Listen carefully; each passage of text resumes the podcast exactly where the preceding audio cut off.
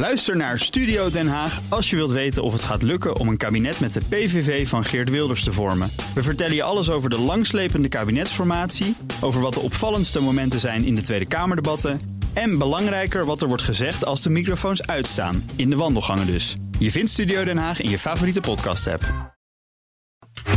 Tech Update. 10 minuten voor acht. We gaan met Jo van Buurik met de beste wensen, Joe. Dag Bas, en in ieder geval Uiteraard. jullie ook de beste wens uit de techhoek, hè? Dankjewel. In de categorie goede voornemens, die van Elon Musk... die lijken te draaien om het oude Twitter verder dood te krijgen. Ja, nou... Oftewel X, daar, Ja. gaat een, daar gaat een kruis door. Precies, nou, dat vind ik wel een hele treffende formulering. Maar inderdaad, dat platform is echt nog maar minder dan een derde waard...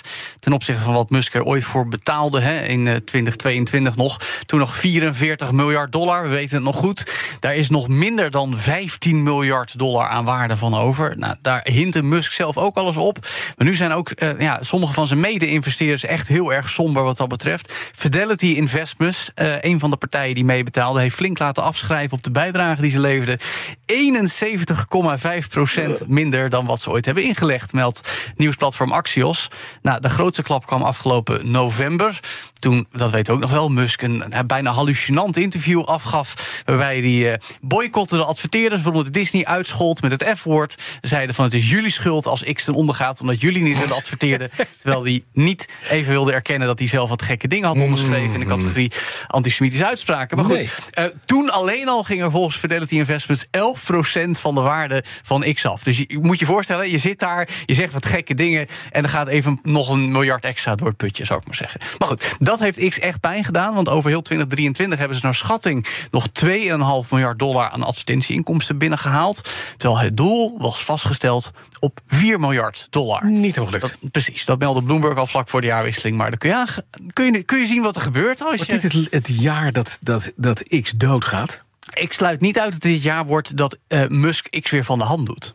Ik zal toegeven, die heb ik van Boris Veldhuis van Zanten. Die, die speculeerde daar laatst over. Die zei van, ik denk dat hij er gewoon op uitgekeken raakt. Ja. En dan gaat weer ergens anders heen. Dan wordt, gaat of iemand het weer oplappen, of het wordt echt een sterfhuis. Dan heeft je er heel veel aan verloren. Ja, dat is een mooi Ja, staaltje, mooi staaltje kapitaalvernietiging. Dat, Nou, dat kan niet knap. Je moet maar kunnen. Even perspectief plaatsen. OpenAI komt eigenlijk net kijken, maar dat verdient wel. En nu al ruim anderhalf miljard per jaar. Ja, nou laten we ze nog wel even als start-up bestempelen. Ja, hè. Ook al nee, domineert ze al ruim een jaar het nieuws sinds de lancering van ChatGPT eind 2022.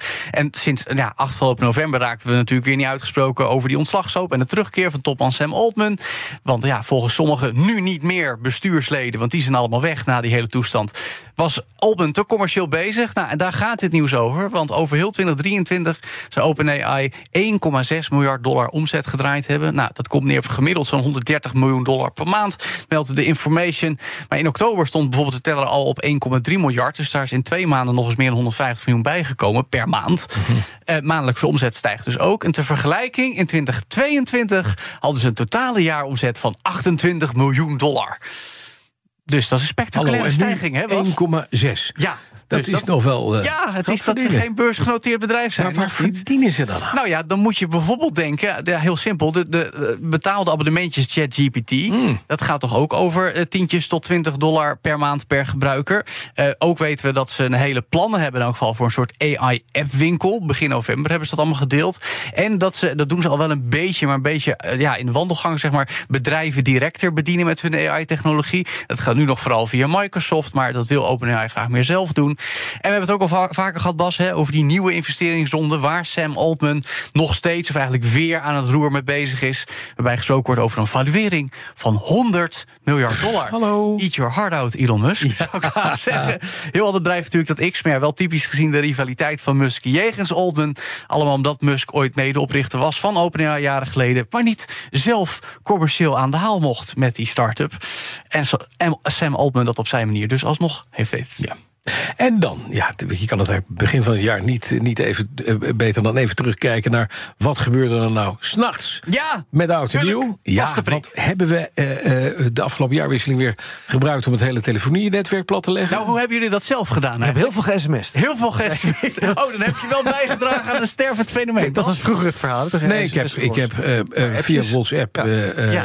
dingen, en WhatsApp gebeld Maar is het, nou, kijk, En ik kreeg, ik kreeg een do- dochter in kennelijke staat met een vriendin hangend aan de nek. Snel Ja, opgangen. In de denk Zonder geluid. Dat was Ja, wel prettig. maar ik denk dat dit dus wel bijdraagt aan het hele verhaal. Namelijk dat er een flinke stijging is als het, als het gaat om het dataverkeer tijdens de, Ja. de jaarwisseling. Nou, eh, inderdaad, sinds we mobieltjes hebben wilden we direct sms'en of bellen. Dan ging het netwerk plat jaren geleden. Nou, dat hadden we jarenlang. Met als gevolg van die mensen die op oudejaarsdag om twee uur 's middags alvast gelukkig nieuwjaar stuurden. Vond ik ook zo dom.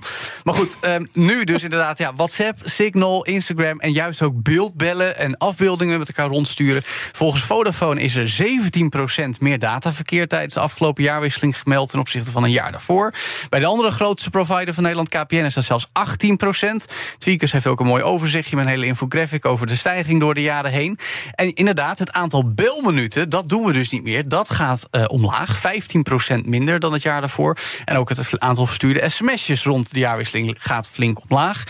Eh, als het gaat om dataverkeer, eh, tien jaar geleden hadden 22 keer zo weinig data op de jaarwisseling. Ja, toen was het natuurlijk vooral ook even dat berichtje sturen. En niet ook nog dat videobellen in HD met dochterlief in de kroeg.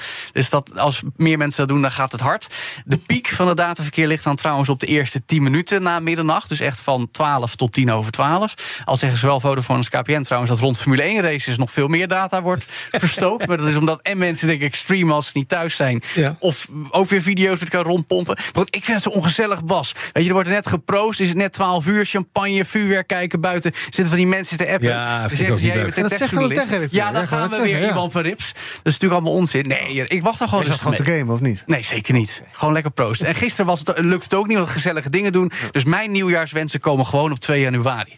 Ja. Vind je daar Nou, weet je wat mooi. Je hebt, je, hebt, je hebt een zoon, die is nog een beetje klein... maar Ja, straks over een jaar of 17, 18... kan je nog gewoon om half vier 's ochtends prima bellen... als iedereen al weg is, Dan wil ik is slapen, Bas van Werk. Ja, maar hij nog niet. Nou, dat zal, zullen we Dan is zien. hij nog Ik kreeg lang niet naar bed. een foto van iemand die ik heel vaag ken. Die, Ja. is- Oh die stuurde zo'n 2024 goe- Ja. gelukkig nieuwjaar plaatje. Zo'n weet, je wat, weet je wat het vorige bericht was? Nee. Gelukkig 2023.